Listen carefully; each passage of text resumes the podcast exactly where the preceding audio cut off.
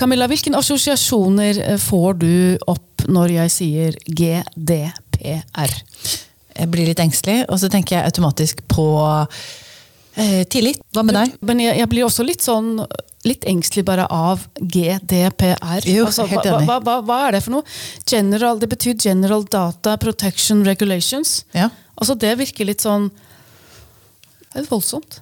Ja, altså den, den gangen man trodde at eh, man var midt oppi en veldig fortrolig og privat eh, eh, relasjon med sin datamaskin, og man kunne spore opp hva som helst, den tiden ble måte, tok brått slutt, i hvert fall 2016, da denne GDPR-loven ble rullet ut. Men eh, vi er vel kanskje alle sammen smertelig klar over at eh, dataen vi etterlater oss, altså de skitne, eh, gjørmete støvlene vi tråkker rundt på internett med, de etterlater tydelige spor, og disse sporene sva- fanges opp, og at GDPR er en slags motreaksjon til dette. da. Ja. Sånn at ikke vi skal, eh, informasjonen vår skal misbrukes. Ja, men, men allikevel ja. så blir den jo veldig misbrukt. eh, Det, Ja, men GDPR skal jo passe på oss, så vi skal være glade for denne forkortelsen. GDPR. Men hva, hva er det med, hvordan kan vi linke GDPR til lærerne i voksenopplæringen? Ja, altså jeg, Det jeg etterspør, er jo tydelige kjøreregler. Hva er det jeg må passe på? Ja. Hva er det som er viktig for meg å tenke på når jeg skal implementere eller velge å ta i bruk ulike digitale verktøy i klasserommet. Ehm, det kan jo være alt fra felles skrivedokument til en informasjonskanal der vi utveksler tanker og ideer. Det kan være mm. alt fra bruk av Facebook i klasseromsundervisning ja. Zoom. til Zoom, til Slack, Teams. til Padlet, til samtavla, til eh, WhatsApp. Ja. Ja, altså det, det, er, det, er, mange ting å tenke på. Ja. Så det, det er jo det vi skal det, er det vi skal gjøre i dag. er jo Å gjøre oss Ja. selv i hvert fall litt tryggere og litt mer informert. Ja, så nå i dag uh, har vi to gjester. Yep. Naomi Frimann, som er teknologidirektør hos Lingu. Og hun skal snakke om å linke GDPR opp mot en, en språkopplæringsbedrift og edtech-utvikler som Lingu er. Ja, og så skal vi også ha med oss eh, Ida Sernberg, som er programleder, altså faglærer innen digital markedsføring på Noroff School of Technology and Digital Media. Ja, og, og hun skal hjelpe oss med å lage teknolinjer fra digital markedsføring over på undervisningsfeltet. Jeg Start, start du. Vær så god. Jeg heter Margaret. Jeg heter Camilla, og du lytter til Unmuta. Unmuta. Podkasten om digitale løsninger for språklærere. Velkommen, Ida Sernerberg. Kan du fortelle litt om deg selv? Yes, eh, jeg heter Ida Serneberg og er programleder på Noroff, som er en fagskole innen teknologi og digitale medier. Og eh, der er jeg eh, som sagt programleder da innen eh, digital markedsføring og sosiale medier. Og jeg har også en bakgrunn som markedsfører, og spesielt som social media manager. Jeg jobbet i Nordic Choice Hotels i seks år, og har jobbet med egentlig digitalisering i ja, snart 15 år, tror jeg. Um, ja, jeg er samfunnsviter, har skrevet mastergrad om eh, endring i en digital tid i mediekommunikasjonsvitenskap i, eh, på Umeå universitet. Og jeg er svensk. Ja, og det er jo nettopp fordi at du har jobbet mye med digitalisering fra ulike ståsted at vi har invitert deg hit. Så kunne du tenke deg å forklare litt personvern og informasjonssikkerhet ut ifra et markedsførers ståsted, før vi går over på undervisning og læring? Ja, gjerne det. Og jeg begynte å jobbe på Noroff som eh, lærer. Jeg var innleid konsulent høsten 2017. Og det året, og kanskje året før, så hadde man begynt å snakke veldig mye om denne nye loven. Eh, Denne EU-loven som skulle komme og forandre alt, eh, som det da hette. Det var veldig sånn det var nesten som et sånt paradigmeskifte før millennieskiftet. Man snakket veldig mye om hvordan ser livet ut i, i markedsføringsverden, eh, spesielt i EU, etter juni 2018. Og det man kan si, altså Hvis vi skal se på bakgrunnen til den, og det er ganske interessant hvis man går på Det finnes et verktøy som heter Google Trends. Det kan man bare google seg fram, og da kan man slå inn GDPR. Og så kan man se over tid hvordan folk har søkt på altså hvor søkeatferd på GDPR. Og der ser man veldig tydelig at en eller annen gang i 2016, omtrent da som denne loven blir, blir besluttet i EU, da begynner det eh, Noen begynner å google rundt det. Men så kommer den store eksplosjonen rundt GDPR et par måneder før uh, juni.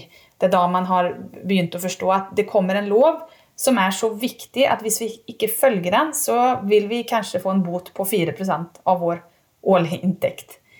Hvis vi ser til bakgrunnen på GDPR, så handlet det egentlig om at hver gang vi går og besøker et nettsted, så kringkaster du og jeg vår persondata til hele verden. Og GDPR det var EU sitt rop til min bransje. Vi må gjøre noe. Så jeg pleier å si at GDPR er starten på et veldig viktig paradigmeskifte. Og bare starten på et regulert internett. Og vi kommer til å se i tiden fremover eh, mange lover. Eh, mange reviderte Altså et revidert GDPR, tror jeg også. Så hele den GDPR-entreen var, eh, var et rop til bransjen. Nå må vi gjøre noe. Så det er egentlig bakgrunnen til det. Og hvis vi husker før, tiden før GDPR, tiden før 2018, så hadde vi et personvernsdirektiv i Norge. Så det er ikke sånn at vi, det kommer noe sånn breaking det var, ikke, det var, egentlig ganske mye gammelt nytt. Det som var den store endringen med GDPR, var at det ble, eh, ble håndhevet i loven. Det ble faktisk lov. Så det gikk fra å være et direktiv, en rekommendasjon, eller direktiv, e-, egentlig ikke bare en rekommendasjon, et krav, men som ikke hadde en konsekvens. Og så kom GDPR og ble en forsterkning av det som allerede eksisterte. Så i Skandinavia har vi en historikk av at vi har vært opptatt av å beskytte personen og individet på internett lenge før GDPR. Kan du kort kommentere hvilke konsekvenser dette har hatt for markedsføringsfeltet, før vi går over på å snakke om dette i forbindelse med undervisning? Ja, det ene er at du skal ha, og det skulle du allerede før, men nå blir det som sagt eh, med konsekvenser at du får bot hvis du ikke kan vise til at dette er riktig. Men du skal ha et samtykke på at du lagrer informasjon om meg som individ. Så hvis du driver en liten butikk, og du selger eh, en for, du selger kurs, og jeg er student eller elev på den skolen, da må du sikre deg om at i det at jeg melder meg inn, så samtykker jeg også til at mine, min informasjon blir lagret. Jeg har rett til å vite hvordan og hvor lenge, og hvilken, eh, til hvilket formål. Så en stor endring i markedsføring var at før GDPR så kunne man egentlig lagre hvilken data som helst. Men etter GDPR så sier vi at den data som du lagrer om en, om en kunde, det skal være noe som du faktisk trenger for å, for å, gjennomføre og faktisk eh, kunne levere ditt produkt da, eller tjeneste. Eh, så det kan f.eks. være at eh, ok, selger du bøker online, så er det jo nødvendig at du har adressen min. Eksempelvis. Eller trenger du adressen min for å sende ut informasjon om når kurs starter og begynner, ja, da er det nødvendig. Så alt må ha en hensikt. Det er en stor endring. En annen endring er at du skal kunne også, Du har retten til å bli glemt. The right to be forgotten var en veldig viktig presisering i GDPR. Og the right to be forgotten Hvis man har jobbet med internett i mange år, så er ikke det noe nytt med GDPR. Men, men det har alltid eksistert. Men det er også noe som betyr at jeg da har rett til å få all data slettet eh, hvis jeg ønsker det og ikke lenger vil være kunde. Og jeg må også få en, kunne få et bevis på at det er blitt gjort. Da. Det er også et eksempel på ting som har endret seg. Og så er det også dette når man snakker om by design. Nå faller hele det begrepet ut fra hodet mitt, men, men akkurat det der med at det skal være i din løsning, i den teknologiske løsningen du har, så skal det være tilrettelagt for at eh, faktisk personvern er ivaretatt det er det noe som er så vanskelig at, eh, at um, Datatilsynet litt tidligere, i, jeg tror det var i fjor høst, utlyste en konkurranse for å vise på gode eksempler på hvordan man kan ivareta eh, personvern ved integrert inn i teknologien. Så det er også sånn at en del konsekvenser av GDPR det klarer vi ikke helt ennå å etterstrebe. Og der ser man også noe med liksom Hele hensikten med GDPR er også å kaste et lys på det her. da. At Før GDPR så visste vi ikke min, hvor ender og slutter min identitet på internett. Og det er på en måte noe du får kanskje Ja, det blir kastet lys på i forbindelse med GDPR. Hvordan er det med sosiale medier? De er jo sterkt inne i digital markedsføring, men, men, lærere har jo også begynt å bruke både Facebook og andre plattformer til å kommunisere med sine undervisningsgrupper. Og da har vi jo en slags krysning? Mm. Ja, og det her er jo interessant. Altså, da snakker vi om valgen av eh, teknologi, eller valg av kanal, som du velger å bruke for med hensikt om undervisning. Hva er hensiktsmessig? Er det hensiktsmessig å ha en gruppe på Facebook? Er jeg sikret personvern da? Og Da kommer det jo an på hva du bruker Facebook-gruppen til. Er Facebook-gruppen til for å spre informasjon? Så for På vår skole så har vi gjerne en Facebook-gruppe som handler om, eh, om sosiale aktiviteter, om ting som kommer ut fra administrasjonen. Og da bruker de denne Facebook-gruppen for å bare sende ut informasjon da er vi jo ikke nødvendig Da er vi gjerne Da er det jo gjerne sånn at eh, vi kommer ikke til å Så lenge vi ikke deler sensitiv informasjon om den enkelte individ, så vil jo det være ok. Så det blir veldig lett å tenke sånn at ja, Facebook er ikke hensiktsmessig fordi, eh, fordi det er ikke GDPR compliant. Det, det, er litt for enkelt å si det sånn. da. Det er ikke sånn at ett medie er dårlig, og et annet er bedre. Men så kanskje vi kan snakke da heller om direkte undervisningsrelatert. Og da begynner vi å vandre rundt i en myriad av, eh, av verktøy som finnes der ute. Så noen av oss på Noraf f.eks. vi eh, bruker kanskje Slack. Eh, og Slack betyr da at jeg sender ut informasjon om undervisningen og så kan f.eks. studenten sende tilbake at du, jeg har ikke mulighet til å være eh, jeg, kommer, jeg er ti minutter forsinket. Hvor lagres den dataen? Og Slack var til nylig eh, eh, Eller er jo kanadisk. Nå har det blitt kjøpt opp, men det var, det var kanadisk. Og det betyr at det flytt, forflytter seg ut i et annet univers i, utenfor EU. Og Da kan man begynne å diskutere om det er, hvorvidt det er GDPR compliant. Så har du på den andre siden Du må ha et fungerende skolesystem. Du må ha et system som, eh, som gjør det gjennomførbart å drive med undervisning også i en tid hvor det er pandemi. Du har kanskje et, et LMS, en Learning Management System, eksempelvis Canvas har vel noen, og så har du Moodle. Det er ikke sikkert at det er den beste måten å nå ut til studenten på. Og da kan det være en pragmatisk løsning å bruke f.eks. Slack. da.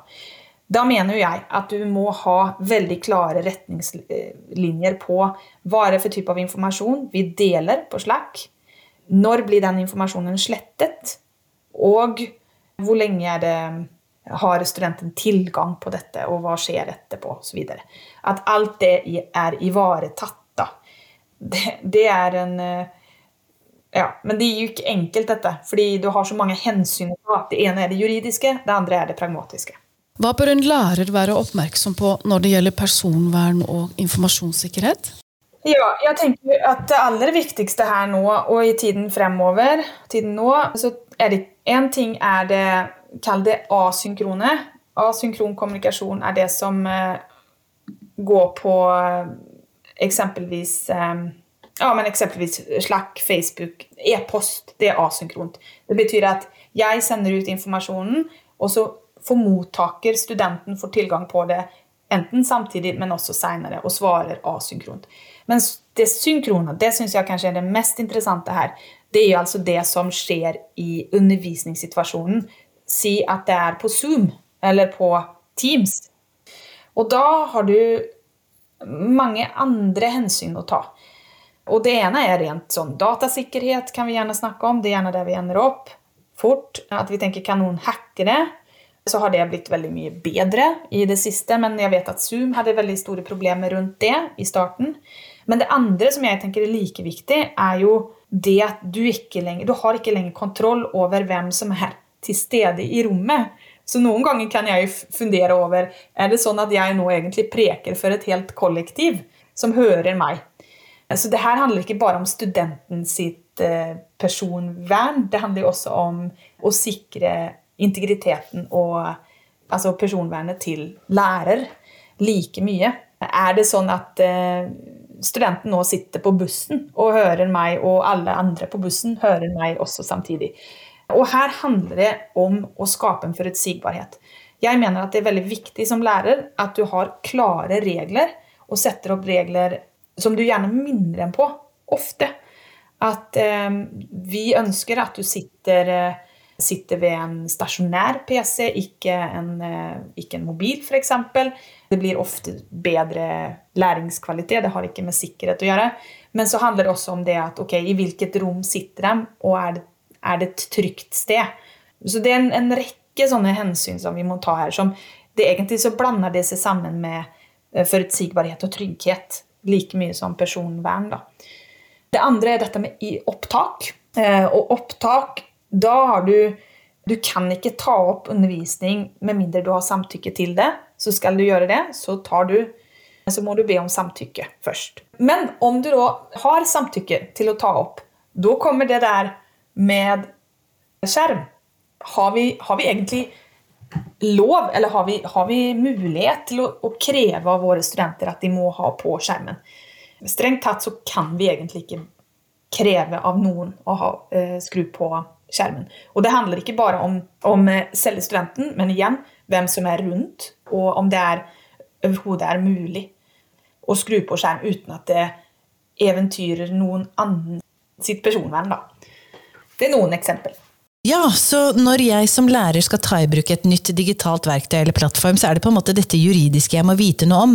Men det er også dette med trygghet og sikkerhet, som du sier. Kan, kan, du, kan du, liste opp to-tre punkter for meg eller for oss lærere som vi kan bruke for å skape tillit for begge parter i det digitale klasserommet?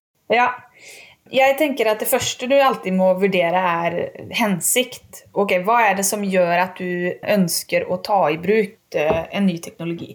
Det kan jo ofte handle om at du har et behov enkelt eksempel på et behov er at eh, det oppstår en pandemi, skolen stenger, og du må begynne å undervise fra egen, eh, egen PC, og du trenger et, eh, et streamingverktøy. Og da begynner du å vurdere ok, skal jeg bruke Teams eller skal jeg bruke Zoom.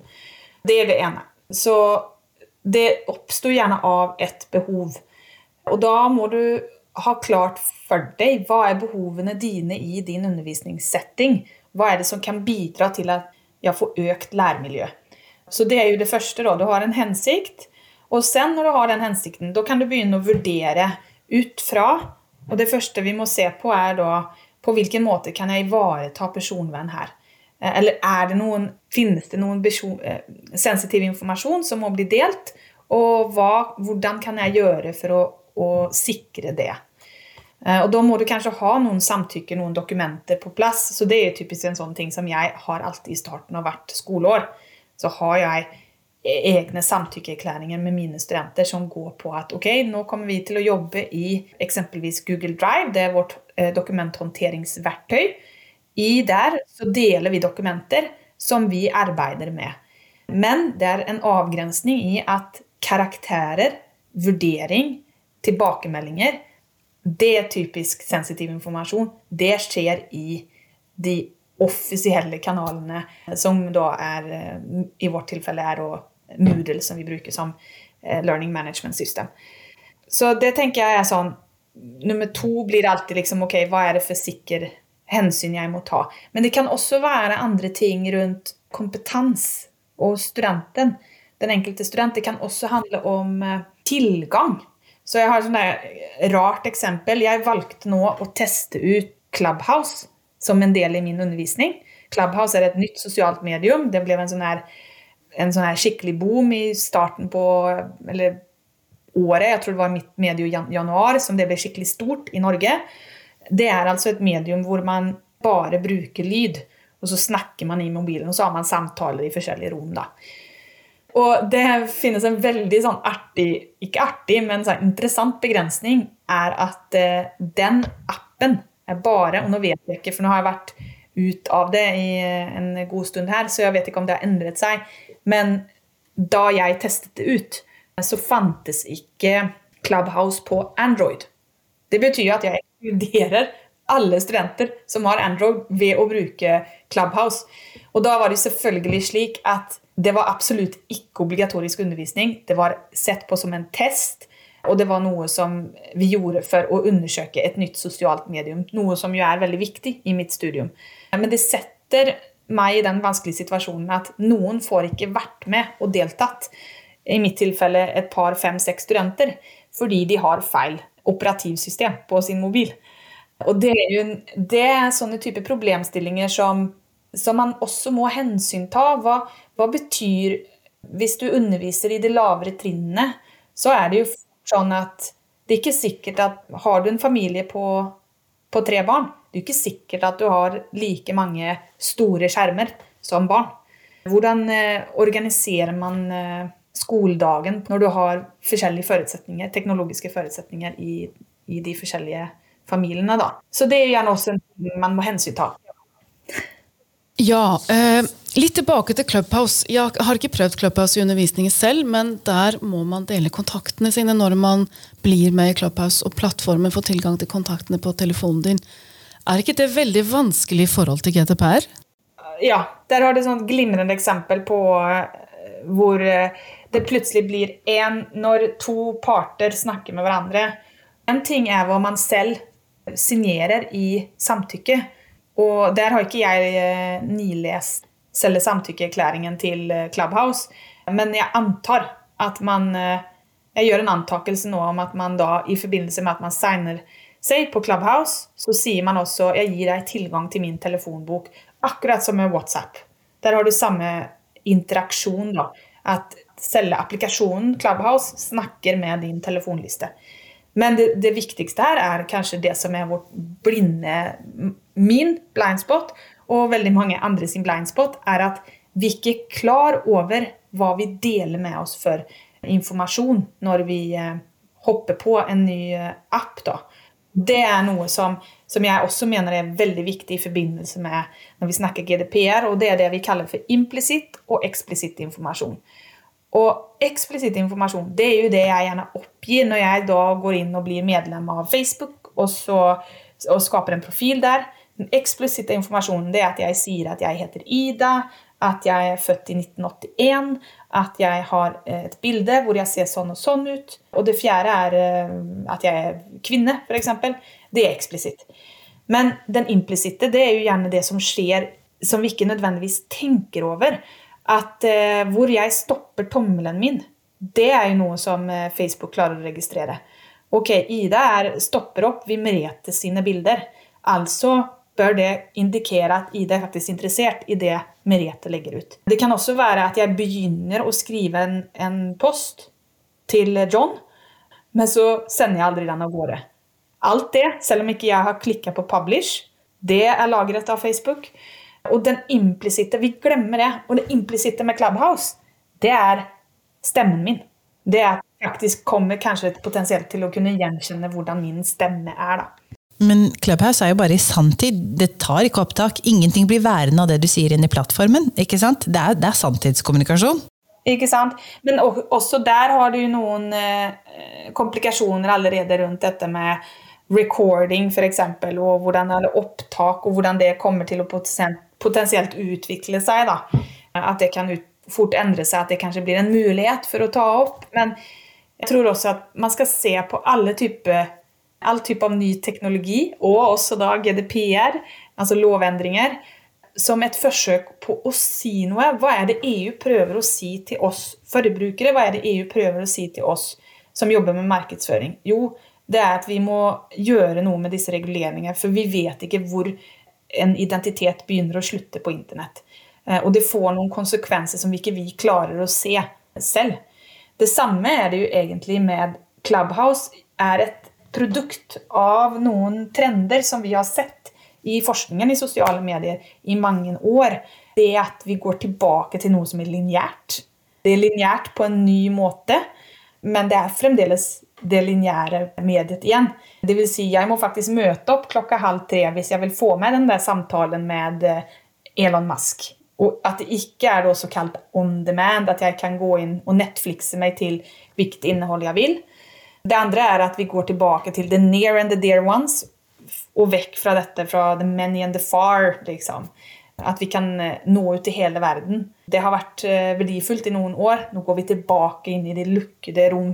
Og det er også en direkte konsekvens av som vi ser GDPR fører med seg. da. Er det en trend du ser, sånn generelt, at de trekker oss litt tilbake og vil verne litt om de rommene vi er i digitalt også? At vi ikke er all over the place på en måte? Ja. Mm. Så du kan si at innhold på internett har gjerne fire kvaliteter, og når jeg sier det, så er det Da siterer jeg en etikkforsker som heter Kerry James, som har skrevet en bok som heter Disconnected. Som er anbefalt eh, bok. Hun er forsker på Harvard. Eller var den gangen, i hvert fall. Og hun sier at det er fire kvaliteter. Det ene er searchability. Alt du legger ut på internett, er søkbart. Det andre er scalability. Scalability betyr at mitt innhold kan nå en større publikum enn det som var hensikten. Og så er det persistability, at det som What comes online, stays online. Og det fjerde går på um, at det er replikkerbart. replikerbart. Vi kan også lage memes av bilder som kommer ut online osv. Men hvis vi bare fokuserer på den skalerbarheten, så vil det bety at eh, plutselig så kan jeg da tvitre noe, og når jeg tvitrer noe, så kan jeg i løpet av ett sekund nå hele verden globalt. Det er liksom den store tingen med internett, egentlig, at volum på antall lyttere, antall seere, øker. Og det har vært veldig sånn, spennende i mange år, så plutselig så ser vi at vi kan få så mye større gjennomslagskraft på det. Eh, vi kan nå en mye større rekkevidde enn hva vi tidligere hadde mulighet til. Det gjør at fenomen som Justin Bieber, som var et eh, lite barn til en alenemor, plutselig fikk en gjennomslagskraft og en arena å kunne slå. Så i starten av internett så tenkte vi oi, det her er så demokratisk. Men så ser vi også at det får store konsekvenser. For det betyr at min atferd offline kan få online-konsekvenser. Plutselig så kan vi filme noen som gjør noe, og så kan vi legge det ut online. Og det er sånne direkte konsekvenser som vi kanskje ikke så de første årene, men plutselig nå begynner å forstå både på godt og vondt. Altså det vonde av det er at vi blir enda mer eh, lukket. Altså at vi ikke, altså unge barn ønsker ikke å, dusje i det offentlige rom fordi de er redd for å bli filmet. Og her krever dette en stor etisk reformasjon, altså at vi faktisk begynner å snakke om dette her. Eh, at vi klarer å se litt rundt våre egne blindsoner på dette. Men det andre er også at vi oppdager at det ikke er helt bra for oss å bare ha vår menneskelige hjerne ikke tenkt og skapt til å ha interaksjoner med eh, 400 000 mennesker. Det, liksom, det, finnes et tak på det der òg. Veldig mange store tanker her som er flott å få med oss her. Men det er ett siste spørsmål, da, siden du snakker om det. Hva med vår makt som brukere? Kan vi påvirke? Kan vi påvirke Edtech? Ikke bare ikke bare edtech, men generelt teknologiutviklingen og dette med vår sikkerhet? Ja, ikke sant. Jeg tror at påvirkningskraften kommer av kompetanse. Da. Det er det jeg vier livet mitt til. er Å øke graden av kompetens på, på implisitt, eksplisitt informasjon. Hva det vil si, konsekvensene av det, og hva det betyr for oss.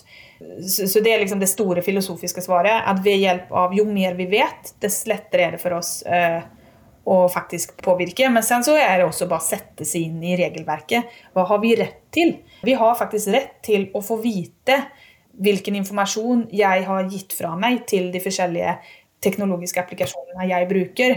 Og det er en oppgave jeg har gjort med mine studenter, hvor jeg ber dem om å finne ut hvilken implisitt og eksplisitt data eksisterer om deg. Eh, og det er interessant da, Når de bestiller dette fra Spotify, for eksempel, så er det sidevis av informasjon som kommer ut som de ikke helt var klar over at, at de gir fra seg. Da. Så jeg tror det må starte med at vi prøver å forstå det. Prøver å forstå hva er det for type av informasjon som finnes der ute, og potensielt hvilke konsekvenser har det. Komme litt vekk fra det der bare som går på sånn teknologisk datasikkerhet, men også rundt det etiske rundt det. Det litt mer sånn, det mykere rundt det. Hva betyr det for meg som individ? Hvilket ansvar har jeg, og hva kan jeg gjøre? Men selvfølgelig, vi har masse påvirkningskraft. Men det krever kunnskap.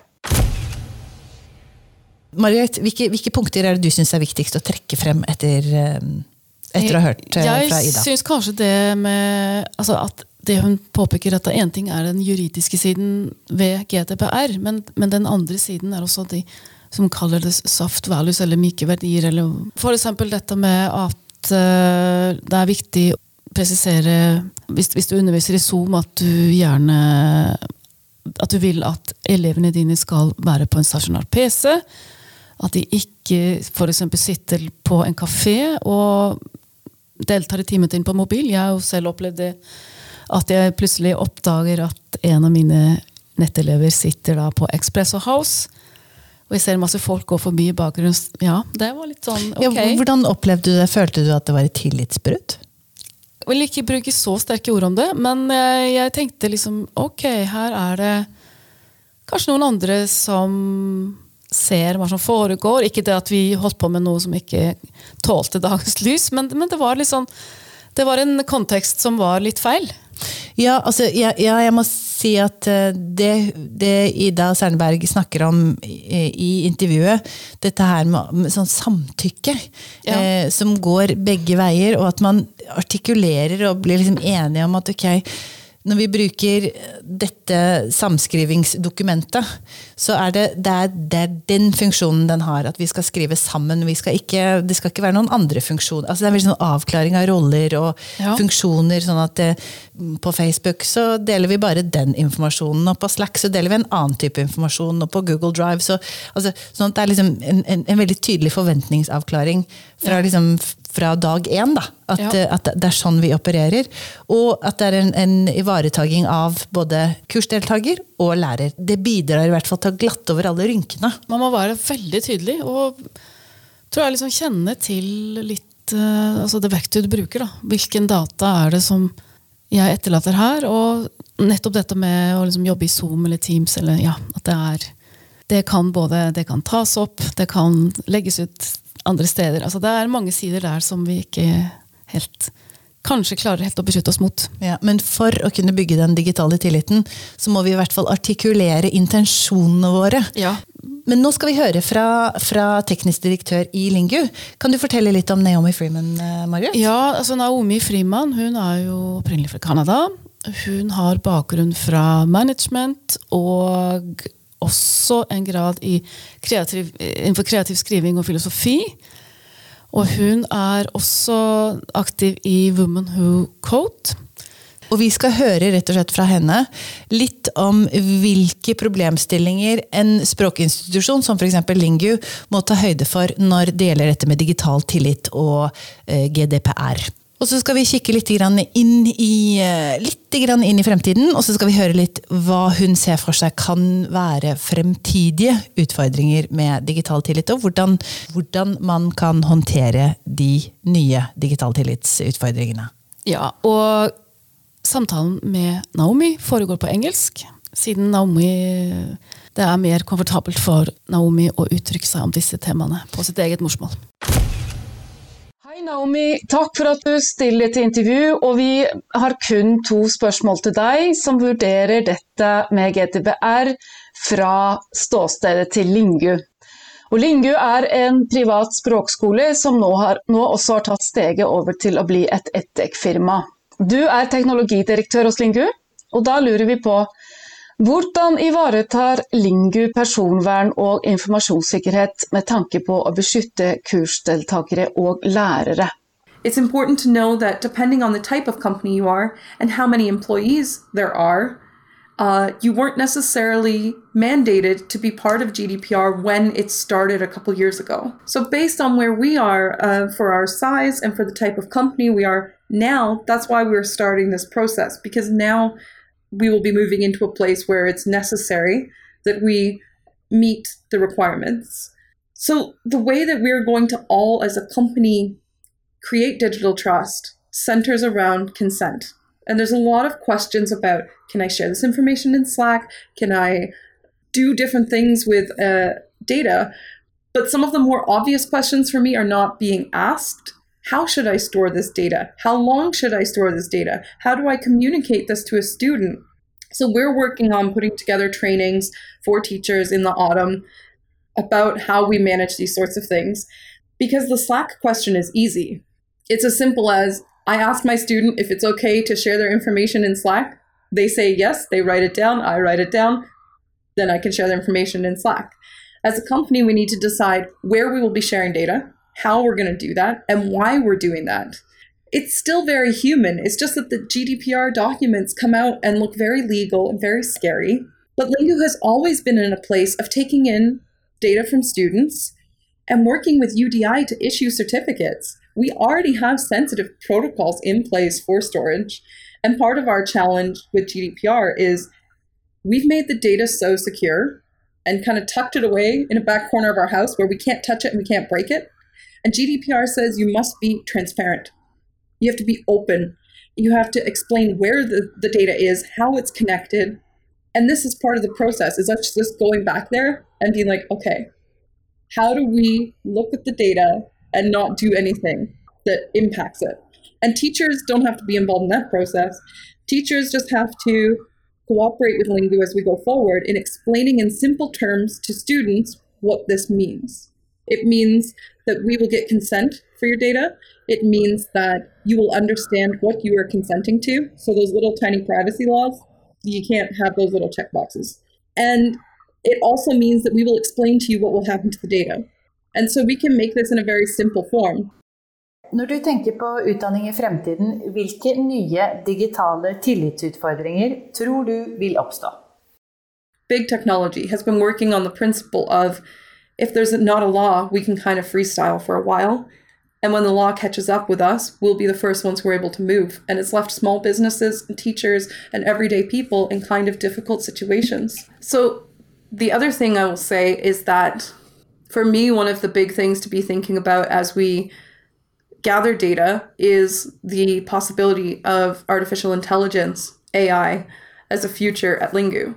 So, again, AI gets all of this kind of rap, this bad news about what's going on, but I see a lot of possibilities and opportunities to help serve the community at Lingu, to serve students, and to better support teachers in customizing and personalizing lessons, plans, and working with different kinds of groups who may technically be at the same level, but in practice, it can look very different, especially when you start to go out to different businesses and teach Norwegian there.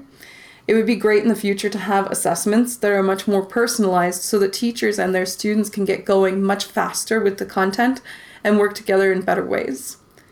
And how this is connected to data and GDPR is at its simplest, an AI system needs data to learn, right? It takes in data, we program some stuff, it makes some assumptions and thoughts about the data and tells us that. So, the other thing I'll say is that if we're looking towards AI in the future of Lingu, then teachers are going to be partners in this the whole entire way. As we know, you know, learning is not just great. I've taken in the information and now I am a brilliant master's or PhD in this. No. Computers are also like this.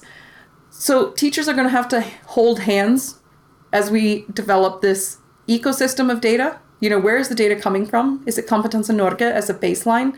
Um, is it exams that we have? Is it you know how do we get information from students? This is going to be consent. Where do we get consent to have data to put in the system? Um, and to use that data to learn not to sell but to learn. And then teachers are going to be seeing strange results from this ai because it's going to make its best guess the first time. So if we're thinking like uh, can we predict what what level a student will get in an exam right? Um, the AI might make some assumptions based on the way we have set up the structure. And teachers are still going to need to be there to be like, wow, this computer thinks it's A1. Uh, this student is clearly speaking at B2. This is inaccurate. We need to take that feedback and put it back into the system. And we need consent all the way along the way to be using the data and updating and changing how it thinks about things. Ja, Margaret. Dette med data, det er jo både på godt og vondt. Vi gir fra oss ufattelige mengder med data. Kan brukes både mot oss og med oss. Og med oss, ja. For som Naomi påpeker, så er det jo Utdanningsteknologien bruker jo data for å hjelpe oss til å lære bedre. For, for å lage skreddersydde individuelt tilpassede læringsforløp. Så dette er jo, er jo spennende òg. Det er fint at vi har den dataen også. Ja. Så hvis vi skal ta med oss noe fra dagens episode, så er det dette her med å ha noen grunnleggende kjøreregler. Det å ha en dialog om å skape digital tillit i klasserommet, i det fysiske klasserommet, ved bruk av digitale verktøy eller ved nettundervisning. Slike ting er viktig. Og det er viktig også, kanskje som digital borger. Kan- jeg si digital borger? Ja, det syns jeg du kan si, Ja. Camilla. Men som en digital borger, da, så, så må jeg eh, Ja, jeg må ta opplyste valg. Jeg må sette meg inn i det som foregår. Og jo mer vi lener oss på digitale verktøy i hverdagen, om det er til det private eller til i arbeidssammenheng, så er det jo Vi foretar oss gode valg ved å være opplyste, så det er jo Ja, og så er det også viktig, igjen som både Ida og eh, Naomi påpeker dette med at vi må kunne stole på også at våre arbeidsgivere, skoleeiere, hvem de nå er, mm. at de også er opptatt av GDPR og er opptatt av å ta vare på oss og eh, elevene. Ja, og så skal det jo også sies at eh, situasjonen vi er i i dag, er jo takket være pandemien. Vi har jo fått fremskyndet mange prosesser, sånn at det har jo vært litt, eh, kanskje litt tilspisset for, eh, for eh, lærere i den sammenheng, og at forskningen henger faktisk etter.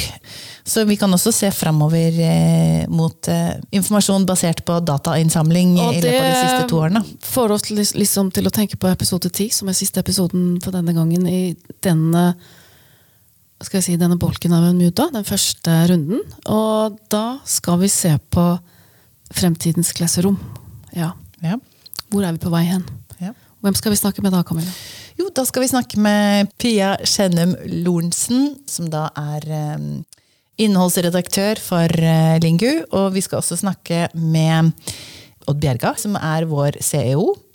eh, og de skal få lov til å skissere litt eh, hva de ser for seg av eh, elementer som kan tas med videre inn i den digitale språkreisen våre kursdeltakere foretar. Ja, Lingo er på vei inn, inn, inn i fremtiden, Ja. rett og slett. Så det blir spennende å høre fra dem om det. Da er vi tilbake om to uker. Takk til både Ida Sernberg og Naomi Freeman for at de stilte til intervju. Hjertelig takk for det.